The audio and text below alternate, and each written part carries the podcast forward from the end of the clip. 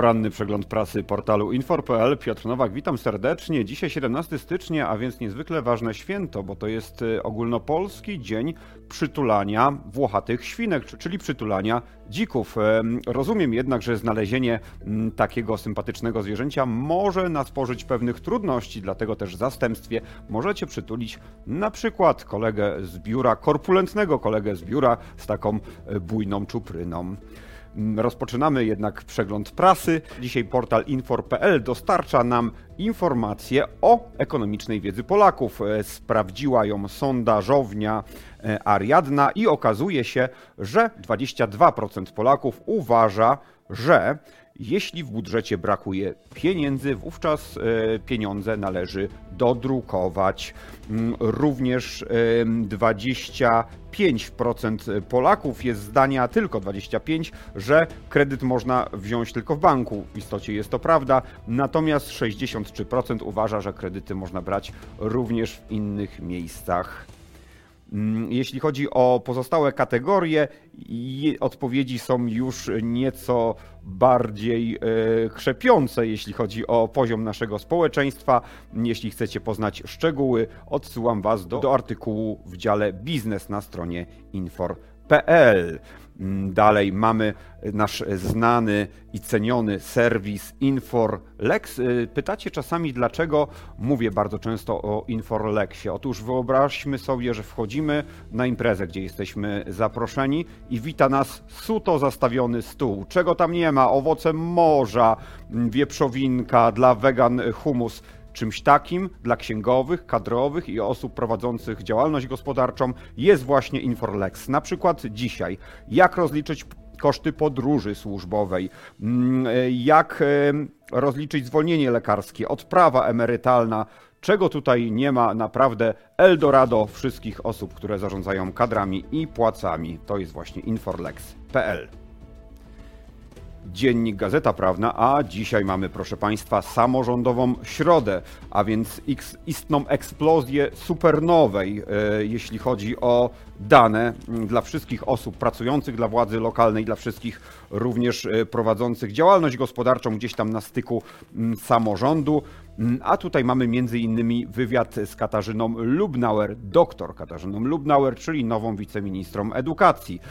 Owa Polityczka tłumaczy między innymi, e, czy nowy rząd e, zamierza zreformować lokalne szkoły, czy będą małe wiejskie placówki edukacyjne, czy też dzieci zostaną przeniesione do większych, e, powiatowych, a także co zrobić, żeby w tych szkołach maluchy czuły się dobrze, a ich poziom wiedzy i samopoczucie wzrastało.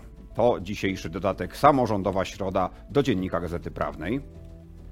Mamy również dział kadry i płace a tam droga e, krzyżowa i zmartwienia kadrowych. Niektóre z nich zastanawiają się, czy wejść do pracy w obawie przed e, nawałem obowiązków, który na nie czeka, e, bowiem zmienia się prawo w kodeksie pracy. Między innymi chodzi o wydłużenie urlopu rodzicielskiego, ustalenie wysokości zasiłku macierzyńskiego, a także zakaz równoległego zatrudniania w niektórych wypadkach, e, zwolnienia pracowników w okresie ciąży. Mnóstwo jest tych nowych przepisów obowiązujących albo teraz od 1 stycznia, albo też od kwietnia ubiegłego roku. O tym wszystkim, jakie to przepisy, e, które z marszczek dostarczają e, księgowym i kadrowym w dzisiejszym dodatku kadry i płace. Jest to również dziennik Gazeta Prawna. Oj, najadły się obficie niektóre polskie miasta na unijnych dotacjach, a jednak nie wszystkie, bo niektóre nadal chodzą głodne. Najwięcej skorzystały mniejsze, a może raczej średnie miasta takie jak Świnoujście, gdzie mm, słuchajcie, w przeliczeniu na mieszkańca 85 tysięcy złotych e, wpłynęło mm, w latach 2014-2020 e, ze środków strukturalnych. E, nieźle wygląda również Koszalin, gdzie mamy 60 tysięcy złotych, a także Nowy Dwór Mazowiecki, Elbląg, Bielsko-Biała. Najmniej dostali ci, którzy już teraz chodzą głodni, czyli miasta na e, ścianie wschodniej, tutaj pustka, oraz co ciekawe, duże aglomeracje. O tym w tekście Łukasza Wilkowicza, mm, strona A7 Gospodarka, Dziennik Gazeta Prawna.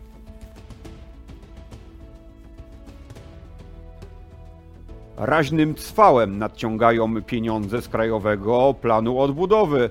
Narodowe Centrum Badań uruchomiło pierwszy realizowany w ramach KPO program. E, będzie do wzięcia kasa na prace badawczo-rozwojowe i to całkiem niezła kasa, bo 445 milionów złotych. O tym w dzisiejszym tekście Piotra Skwirowskiego w gazecie Rzeczpospolita, w dzienniku Rzeczpospolita. Jak obliczyć podatek minimalny? Kto go może płacić i czy czeka nas gehenna z jego obliczeniem. E, co do ostatniego pytania, odpowiedź jest niestety tak. Czeka nas Gehenna, będzie e, niezwykle trudno obrachować jego wysokość, natomiast w sukurs przychodzi nam puls biznesu. Jarosław Królak wyjaśnia tajniki tego, jak podatek minimalny obliczyć i się na nim nie potknąć. To dzisiejszy puls biznesu.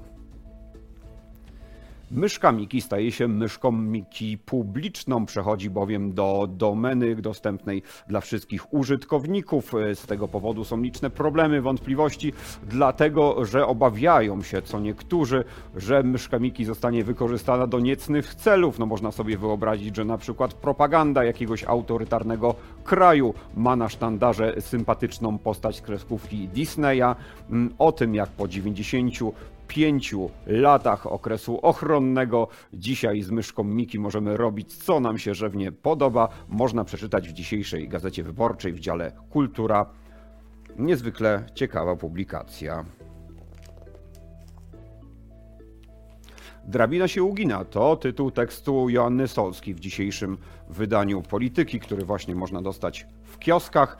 Mm, autorka bierze pod lupę zarobki Polaków. Okazuje się, że w wyniku wzrostu płacy minimalnej już jedna czwarta z nas zarabia najniższą krajową. Jaka jest struktura płac, które zawody e, cieszą się najwyższymi apanażami? O tym w dzisiejszej polityce.